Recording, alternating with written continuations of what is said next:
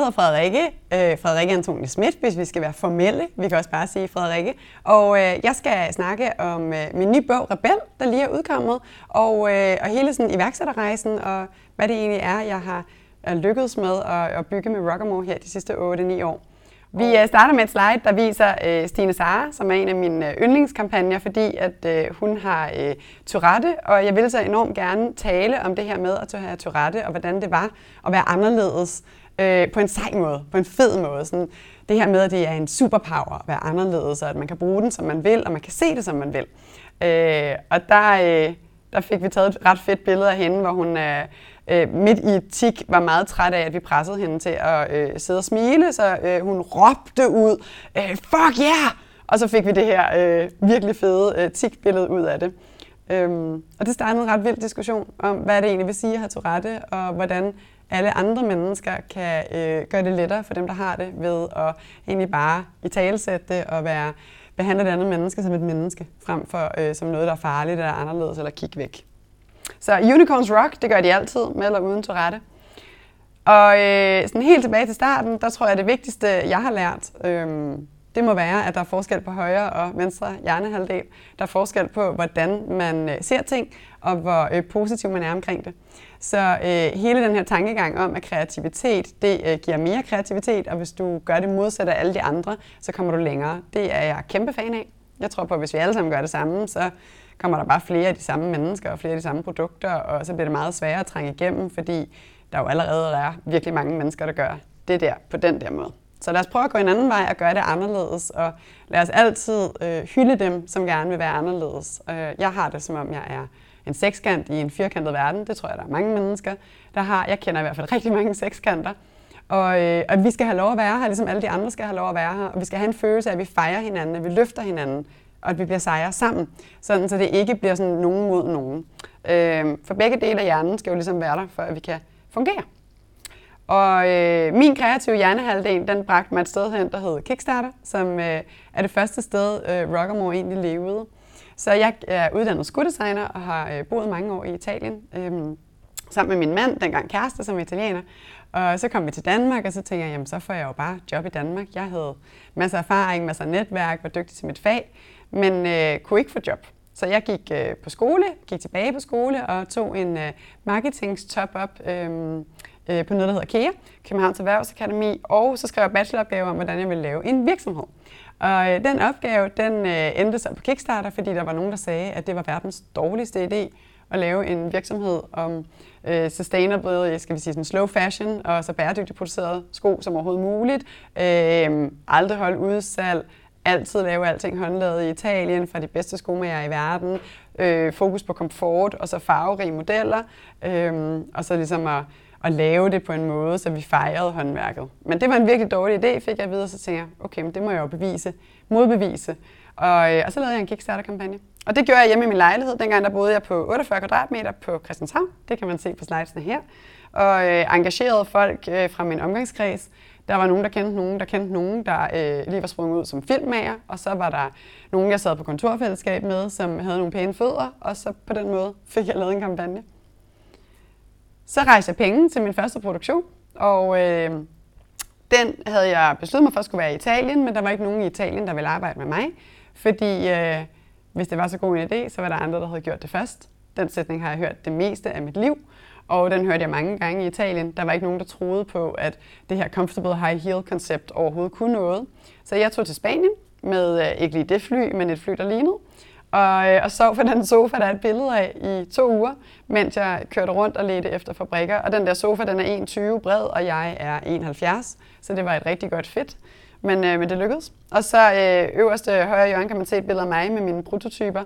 Det er de allerførste prototyper, jeg fik lavet i Spanien, og jeg var så bange for, at de skulle blive væk, så jeg turde simpelthen ikke at tjekke dem ind med bagagen. Så det lykkedes mig at tvinge SAS til at tage mig med hjem med to stykker håndbagage. Det var ikke gået i dag, hvor den ene af dem var alle mine prototyper. Og, øh, og hjem kom jeg, og så fik vi på en eller anden måde lavet en kollektion, den første kollektion. Øh, og så skulle jeg jo markedsføre den. Så hvordan markedsfører man noget, når man ikke ved særlig meget om markedsføring, og ikke helt har lært det her med algoritmer og Facebook marketing endnu, for det havde jeg ikke på det tidspunkt. Øhm, jeg gjorde det, jeg var bedst til, og det var at lave events. Så jeg holdt 3-4 events øh, om ugen, i et år, hele det første år, og brugte ret meget energi på at snakke med mennesker og prøve at høre, hvad deres behov var, og forstå, hvad de gerne ville have ud af sko, og hvordan vi sammen kunne lave et produkt, som de havde brug for. Jeg øh, kommer fra meget store, meget fancy designskoler, hvor man konstant lærer folk og studerende, at vi er the shit, og vi ved alt, og øh, der er ligesom ikke er nogen kunder, der ved bedre end os. Altså vi ved bedre end kunderne, fordi vi jo har den her fancy uddannelse. Men øh, når man kommer ud og skal lave en virksomhed, så er min oplevelse, at det er fuldstændig modsat. Og de brands, der kommer længst, er dem, der tør at lytte til kunderne og designe sammen med dem. Fordi det er den måde, man konstant sørger for at udvikle produkter på, som rent faktisk er noget, kunder gerne vil have. Så det gør jeg meget af. Laver det her et tegne-event, hvor vi sidder og designer sko sammen. Så har vi produktionsevents, hvor jeg forklarer, hvordan vi har lavet skoene. Og hele vejen rundt spørger jeg altid, hvad er det egentlig, man gerne vil have? Det er så blevet til en uh, online coloring book, som vi udgiver uh, to gange om året. En til to gange om året. Kommer lige an på, hvad det er for et år, og hvad vi har lyst til. Uh, de plejer at udkomme til jul. Den næste udkommer her lige om lidt, hvor at, uh, der er en masse tegninger, eller skal vi sige sådan silhuetter af sko. Og så kan man farvelægge dem, og man kan tegne oven på dem, og man kan lave sløjfer, man kan lave knapper, og man kan lave, hvad man har brug for, hvad man synes, der mangler, i, uh, i både i Rockamore-kollektionen, men også i ens liv. Der mangler jo altid sko i ens liv. Og, øh, og det giver mig enormt meget indsigt i, hvad er det, kunderne gerne vil have. Og det er enormt sjovt. Fordi hvis alle så lige pludselig har tegnet en grøn støvle, og vi ikke har nogen grønne støvler, så er det jo tydeligt, at vi skal have en grøn støvle. Men det er også lidt sjovt så at opkalde den her grønne støvle efter den kvinde, der tegnede den. Så så vidt muligt prøver jeg, og øh, jeg synes jo, alle kvinder fortjener at få en sko opkaldt efter sig. Så jeg prøver så vidt muligt at opkalde så mange sko, jeg kan, efter seje kvinder, jeg både møder i mit liv og ser, og som er med i Rockamore, og som er bare en del af vores samfund på den fede måde. Så bygger vi butikker. Alle butikkerne er bygget op omkring en bar, og øh, det er det, fordi jeg kommer fra øh, bartenderbranchen. Øh, jeg har været bartender, siden jeg var 16, og, øh, og havde det øh, fabelagtigt sjovt med det. Og synes, det kedeligste i hele verden er at stå i en retailbutik, hvor der ikke sker noget. Så da jeg lavede butikker, så ville jeg gerne øh, sørge for, at der var sådan lidt gang i den, og det var lidt fedt at være der, og det var lidt sjovt. Så jeg lavede en bar og øh, lavede et koncept, hvor at alle mennesker, der kommer ind ad døren, de får et øh, glas champagne eller et glas øh, hyldeblomst, og så kan man gå rundt og hygge sig med at kigge på sko, mens man drikker det. Og man må drikke så meget, man har lyst. Det er øh, helt lige meget, bare man har en god oplevelse. Man behøver heller ikke at købe noget, man må godt bare komme og drikke alt vores champagne og gå igen. Øh, jeg joker lidt med, at butikkerne bliver målt på øh, deres antal af champagneflasker, de konsumerer på en uge, frem for hvor mange sko de sælger, fordi det hænger lidt sammen. Og så har jeg sat to grafer ind, der viser, hvor mange mennesker vi har i vores øh, Facebook-gruppe. Vi har sådan en øh, øh, online-gruppe, øh, der hedder Rockamore Shoe Lovers, øh, som egentlig er oprettet, fordi jeg gerne vil have et sted, hvor skoene kunne leve videre, hvis nu man gerne vil sælge dem til nogle andre. Sådan så de konstant havde et, et fedt liv og ligesom kom ud og leve og fik et godt hjem. jeg har trods alt et forhold til alle mine sko. Øhm, og så endte det med at blive community tilbage til de her store events, jeg holdt. Alle de mennesker gik ligesom online i et community, hvor de mødte hinanden. Og øh, nu snakker vi om, hvordan man styler sine sko, hvad man tager på, øh, hvad der er fedt øh, i forhold til, sådan, øh, hvad for nogle events man skal til. Vi snakker også om, hvordan øh, vi gerne vil have blå sko, hvordan øh, vi ikke kan forstå, at den der sko med sløjfen ikke er der længere. Altså der er sådan en hele snak om sko. Og så øh, har vi en, en øh, community manager, der sørger for, at der altid er god stemning. Det vil sige, det er der så alligevel ret meget af sig selv, men for en sikker skyld er der en, der lige holder øje med, at der altid er god stemning. Øh, der er 12.000 medlemmer, og der er jo så 8.300 medlemmer, der er aktive, hvilket er ret vildt i en gruppe. De er simpelthen aktive ugenligt og nogle gange dagligt. Der bliver lavet omkring 800 posts på en uge. Så virkelig mange mennesker har virkelig mange meninger om sko, og det er jo virkelig fedt. En af de ting, vi så gør øh, offline, det er ligesom at prøve at samle det her community, fordi det bliver også kedeligt, hvis man skal sidde på Facebook og mene ting hele tiden. Så øh, vi vil gerne mødes og lave noget. Vi laver øh, events. Det her er fra et øh, event med Anna Bogdanova, hvor vi øh, lavede øh, How to Walk in High Heels eventet, og øh, ligesom brugte øh, en time på at snakke om, hvordan er det ens fødder former sig i høje hæle, og hvordan er det, øh, at du påvirker dine fødder, når du går, og hvorfor er det vigtigt at blive støttet på en måde, der gør, at din fod bliver formet så anatomisk korrekt som muligt. Det er jo ikke anatomisk korrekt at gå i høje hæle, men det kan blive rimelig korrekt, og i hvert fald kan vi afbøde rigtig meget af den stress, dine fødder oplever i høje hæle, hvis vi lægger nogle søvler ind, og det er det, vi har gjort hos Rockamore, men også hvis vi fokuserer på, hvordan man går. Så øh, det er det, Anna var med til. Og, øh, og så gik vi ned ad gaden, hele vejen ned ad Skinnergade, øh, de her 50 kvinder. Det var øh, fabelagtigt underholdende. Og øh, vi har også gjort det i Aarhus med stor succes, hvor vi gik ud på Stortorv, og rigtig mange kvinder var med til ligesom at gå stolt og stå stolt, og alle de omkringliggende butikker fik en fest ud af det. Men altså, hvis man skal lave sko, så, øh, eller hvis man skal lave brand, og sælge sko, så skal man jo lave rigtig gode sko. Og det bruger vi virkelig meget energi på. Så her øh, er et eksempel på, hvordan en skoproduktion starter. Det starter selvfølgelig med et design og med en tegning.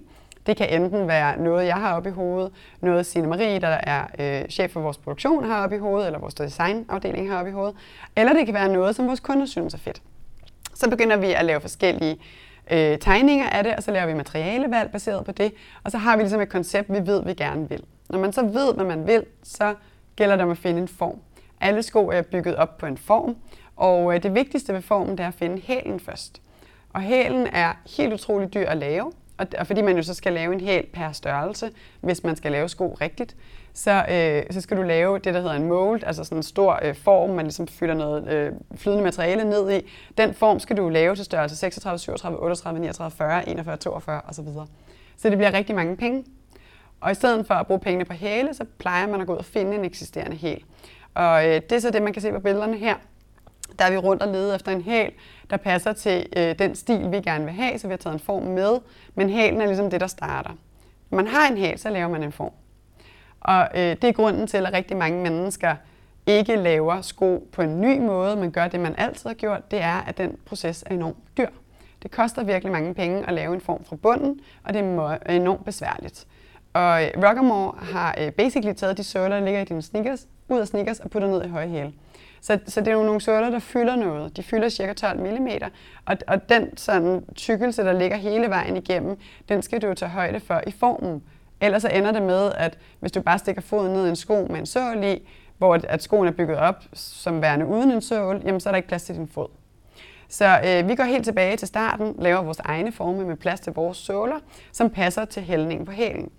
Rigtig billige skobrands, øh, de laver ingenting selv. De vælger ligesom bare øh, fra sådan et eksisterende øh, bibliotek at forme en eller anden form, og så øh, sætter de en eller anden hæl på, og så kan det være, at det nogenlunde passer. Det er fuldstændig umuligt at finde noget, der passer 100%, og derfor kan man tit finde sko i billige brands, hvor hælen er lidt skæv, eller skoen står og, og danser lidt, når man skubber til den. Når man så har lavet en form, så øh, bruger man det, der hedder plastisk træ, som er den der hvide stribe, man kan se på den ene form her, øh, som man putter på, og så står man og filer det i hånden. Og det, så laver man en sko på den. Når man siger, nu er formen der, så laver vi en sko. Så øh, det tager cirka 3-4 uger. Så prøver vi skoen.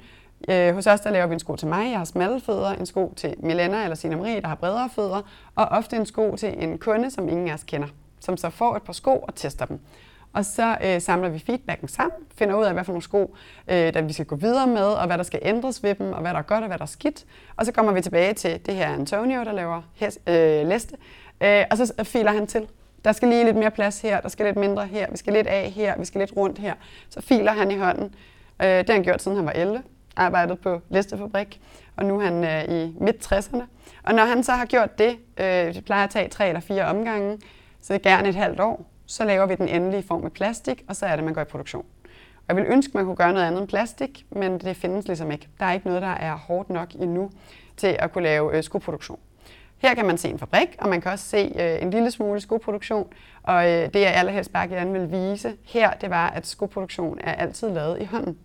Og det er fuldstændig ligegyldigt, om, om du betaler mange penge for en sko, der er lavet i Italien, eller om du betaler ingen penge for en sko, der er lavet i Kina eller i Bangladesh, så har der været hænder øh, med i den her produktion. Altså skoene har simpelthen været forbi mennesker. Der findes ikke maskiner, der kan lave en sko fra start til slut, uden at mennesker er med. Så der er altid mennesker undervejs. Og det synes jeg er en vigtig pointe, hvis man lige skal overveje, om man synes, det var okay at betale 250 kroner for et par sko, så prøv lige at regne tilbage. De fleste butikker ganger med 5. Det vil sige, at de køber dem af nogen, og så ganger de med 5. Så prøv at regne tilbage og tænke over, hvor mange penge er der så egentlig, egentlig tilbage til det menneske, der har lavet skoene, når du også skal betale for shipping, meget lang shipping, hvis den kommer fra Kina, og du skal betale for handling, fordi det skal ligge på et eller andet varehus, og du skal betale løn til alle de der mennesker, der markedsfører det, og så skal butikken gange med noget. Så altså, det er vigtigt at, at, ligesom at at have et forhold til ens produkter, og hvad det er, man gerne vil være med til at sætte i den her verden. Jeg føler ikke, at vi har brug for flere produkter. Vi skal have bedre produkter. En af de ting, øh, som er vigtige i kampen for bedre produkter, det er materialer. Der er virkelig, virkelig mange materialer i den her verden, og øh, man kan overveje, hvad for nogle man synes er de bedste at arbejde videre med. Jeg brugte de første to år af Rockamore til at arbejde med sådan dead stock, altså overskudsmaterialer, og det kunne se sådan her ud. Man tog ned forbi en af de store fabrikker, der lavede skin, og så fandt man, hvad de havde til overs i magasinet, altså i der på deres lager, som hedder et magasin på italiensk. Øh, så på deres lager. Og så tog man ned op, og så var der måske lige øh, grønne skin nok til at lave 200 par af den der støvle grøn, eller der var øh, røde skin nok til at lave 100 par af den der sandal i rød, og så var det ligesom det. Så var der ikke andet. Der var kun det her antal skin og de her farver. Og, øh, og så kunne jeg godt lide ideen om, at det er lige meget mange penge, du har. Du kan ikke, altså vi har ikke unlimited resources i verden, så du kan ikke få alt det, du gerne vil, selvom du har råd til det. Du bliver nødt til at respektere, hvad der er. Så vi blev sat de her sko online, og så var der kun dem. I dag der prøver jeg så vidt muligt at arbejde med øh, Cradle to Cradle certificeringer og øh, traceability, altså så sporbarhed. Så vi har rigtig mange sko, øh, lige, vi sigter efter det 30% af kollektionen, det er lidt mindre i dag, som øh, har QR-koder inde i skoene, hvor du kan scanne den med din telefon, og så kan du følge alle data points hele vejen tilbage til den enkelte ko. Og det fede ved det er, at øh, alle de skin, vi så bruger til den kollektion, er danske køer, De står på markerne, typisk over i Jylland. Vi har rigtig mange i Vejle. Øhm, og der kan du se, hvad, hvad er det for et liv, den ko har haft. Du kan se, hvor gammel den blev. Du kan se, at den var på græs hver sommer, om det var et økologisk, øhm, øhm, en økologisk gård, øh, hvor den blev slagtet, at hele dyret er blevet spist, og, og sådan på den måde dens livsrejse. Og så kan du selv bedømme, om du synes, det er et godt liv eller et dårligt liv. Jeg må ikke stå her og sige, at det var et godt liv, men jeg kan da i hvert fald sige, at det var et bedre liv i min optik, end det liv, man får som en ko i Brasilien, hvor man står inde i sådan en låst, firkantet boks, som er foret, fordi at vi ikke skal have, at skinnet bliver ødelagt.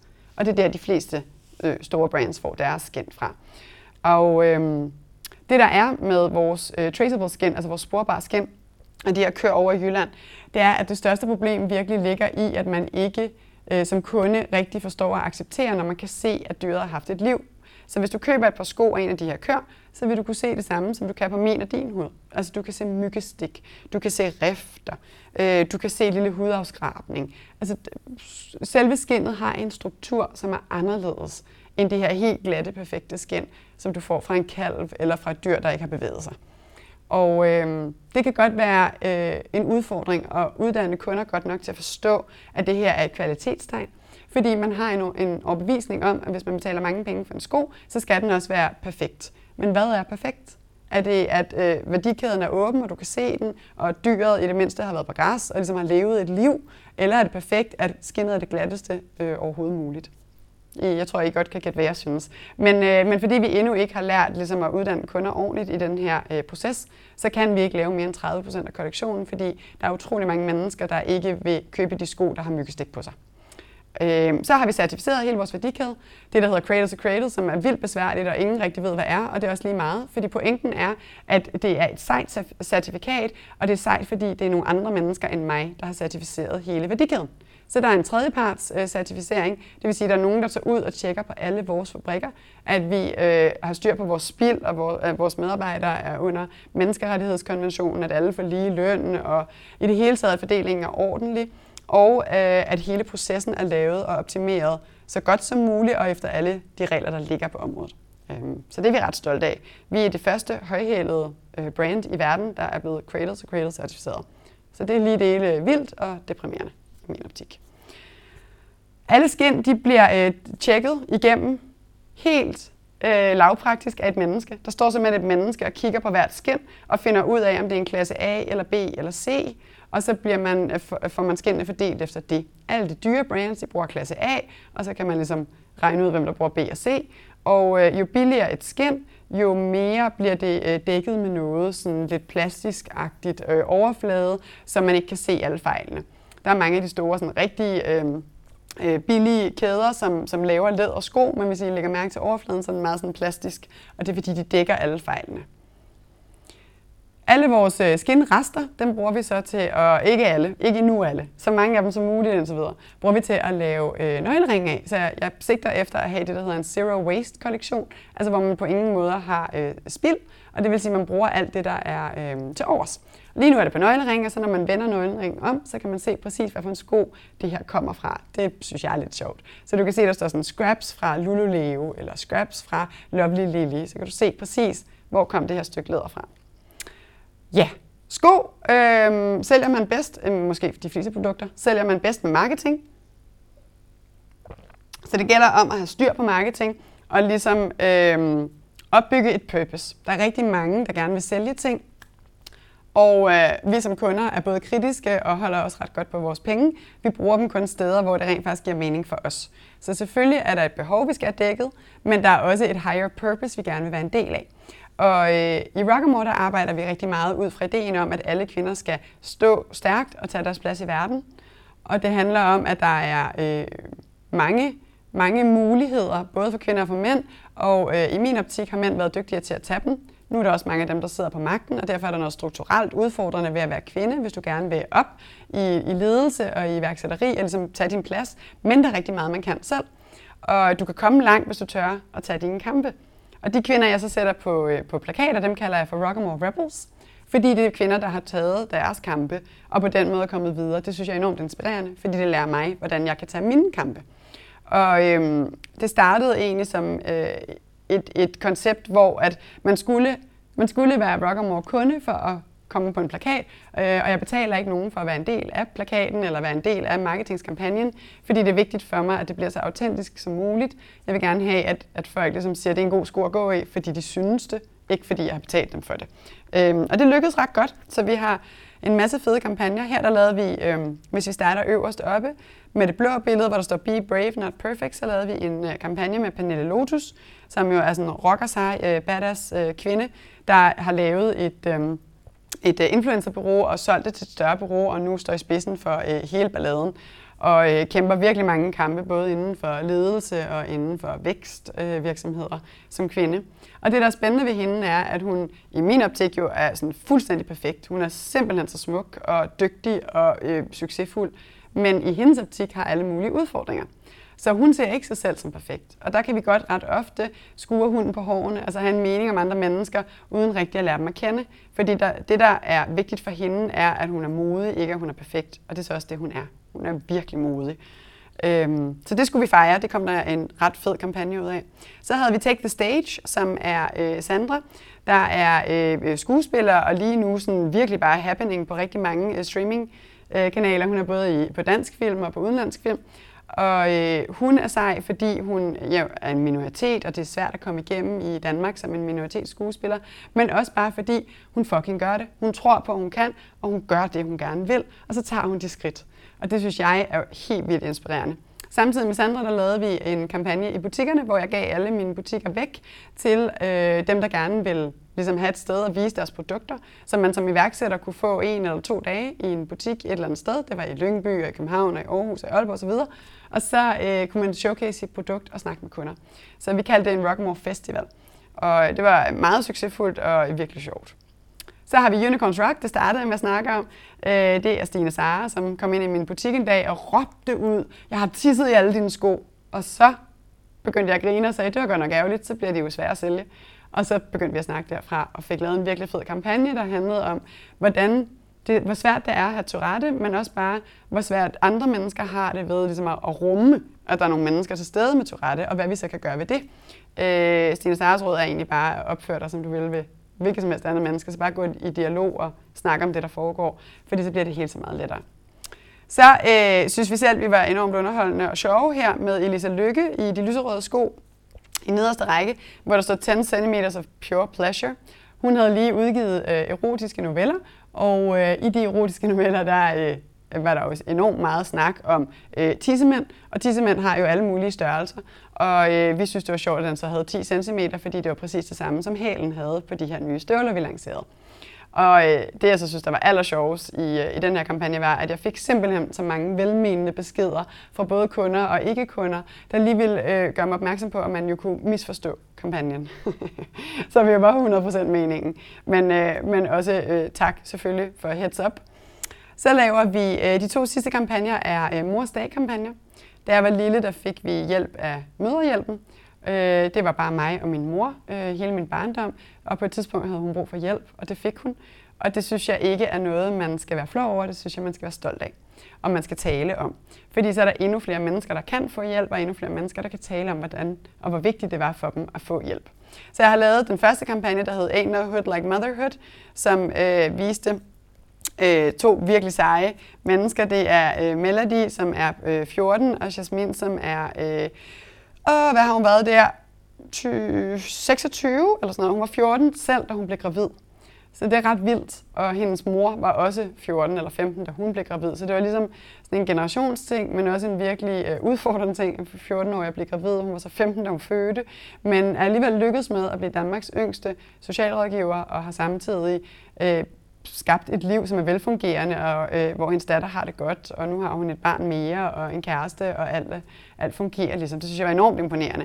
Øhm, så vi lavede en kampagne med at fejre dem, og året efter lavede jeg en kampagne med min mor. Det er min egen mor, der sidder der, på Moms Rock, hvor at, øh, begge kampagner, der gav vi hele overskuddet til møderhjælpen. Og det er ikke fordi, det var vildt mange penge, det var 120.000 og 150.000, så det er jo ikke mange, mange penge, men man skal huske på, at til december, som er lige om lidt, der øh, koster det bare 500 kroner for at holde julehjælp, eller give julehjælp til en familie. Altså, så det er jo virkelig mange familier, der lige pludselig fik noget hjælp, som få penge har også ret, og lidt kan også gøre en kæmpe forskel. Nå, så øh, skiftede jeg dogme til, at øh, i stedet for at man skulle have købt mine sko, så skulle man øh, i hvert fald have haft en mening om, øh, om noget, der var vigtigt for Rockamore. Her der ville jeg gerne snakke om øh, kvinder i bestyrelser. Så jeg lavede en kampagne med øh, en kvinde og fire mænd, som på det tidspunkt var fordelingen i det danske bestyrelse. der var 20 procent kvinder.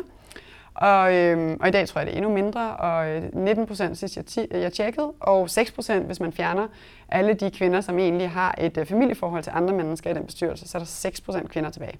Det er ret vildt. Nå, så den kampagne gik jo ud på ligesom at snakke om, hvordan kan vi få flere kvinder i bestyrelser, og hvorfor er der ikke kvinder i de danske bestyrelser. Så jeg tog udgangspunkt i fire mænd, som alle fire kommer fra en branche, hvor der er øh, utrolig meget mulighed for at få kvinder ind, men der ikke er det lige nu, og hvorfor er der så ikke det? Og så øh, gik ideen ud på, at vi skulle snakke med Bjarne Køjdom for eksempel om, hvorfor er der ikke flere kvinder i den bestyrelse, han sidder i, øh, hvem er det egentlig, der ejer børsen, altså bladet børsen, og øh, hvem er det, der bestemmer, hvem der kommer til at sidde i den her bestyrelse, og hvordan kan vi være med til ligesom at sparke hul i, den, øh, i, i debatten generelt, og sådan, i, det, i den setting. Øh, og hvad kan Bjarne gøre, og hvad kan vi selv gøre? Det samme med Morten Strunge, som jo også øh, øh, har en masse bestyrelser i de virksomheder, han starter, men de bestyrelser, der sidder der jo mennesker, der kommer med penge, det vil sige typisk det er VC-fonde, øh, Venture Cap-fonde, der kommer med penge til hans virksomheder. Og der kan man jo ikke bestemme, at jeg vil kun tage imod dine penge, hvis du sætter en kvinde i min bestyrelse. Det, det har han jo ikke mandat til. Men vi kan jo godt snakke om, hvorfor der ikke er flere kvinder i hele den der venture cap-verden, øh, og dermed flere kvinder i de danske bestyrelser øh, på vækstvirksomheder. Så det var også spændende, og så videre og så videre. Øh, så snakkede vi om, hvad det egentlig er, der øh, gør forskellen, og hvordan øh, vi kan få flere kvinder på banen. Det fik jeg utrolig meget øh, presse ud af, og det var ikke en særlig stor øh, øh, kampagne fra, altså den var ikke særlig stort øh, budgetteret. Vi brugte de samme penge, som vi plejer at gøre, hvilket ikke er særlig mange. Og øh, alligevel så kom vi ud til 3,3 millioner danskere, og den blev delt over 22.000 gange. Så der var øh, helt absurd meget fokus på den her kampagne, og virkelig mange meninger øhm, om den. Og øh, her kan du se lidt af det, der kommer ud af det. Og så har jeg også en video, som jeg rigtig gerne vil øh, vise, hvor at, øh, man kan se en lille smule af, øh, hvad feedbacken på kampagnen var. Kønsfordelingen i bestyrelser har været et tilbagevendende emne de sidste mange år. For nylig pustede skomærket Rockamore så til ilden i debatten. Powermen som Bjarne Køjderen, Brian Mikkelsen, Morten Strunge fra Podimo gambler med deres skrøbelige maskulinitet og ifører sig højhælede Rockamore-støvletter. Det er det ældste træk i underholdningsbog. Det er at have lige halvøje mand dametøj. Vi har jo gjort det, den skulle gøre, at vi har snakket om det. Vi skal bare hoppe i på højhælede damestøvletter og påstå, at vi virkelig vil gøre noget. Jeg, jeg synes bare, at den er sjov at diskutere. Jeg, jeg går ikke ud og siger, at den er dårlig.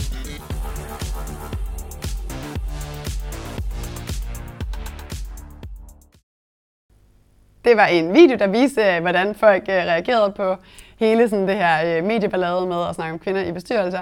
Som man kan se, så var dialogen og debatten ret negativt lavet, og det må den også gerne være. For mig var det vigtigt, at den bare overhovedet kom i gang. Og det synes jeg, at vi lykkedes med. Og øhm, det var slutningen egentlig på hele det her slideshow og snakken om Rockamore og en meget sådan kort fortælling om, hvordan man også kan være rebel og hvordan man også kan lykkes med at komme ret langt bare ved at være sig selv. Den her sekskant i den firkantede verden. Og jeg håber, I enten har lyst til at øh, se mere, så laver vi nogle flere af de her, eller vi laver det øh, in real life, så vi kan mødes. Øhm, og så er der også en bog, hvor man kan læse endnu mere om, hvordan jeg sådan helt lavpraktisk har bygget Rockamore, og hvordan jeg har fundet ud af, at man godt må være ligesom mig. Der er faktisk rigtig mange af mig i den her verden, og det er okay at være anderledes. Som min mor altid sagde, hvis de andre ikke kan lide dig, så er det dem, der er noget galt med.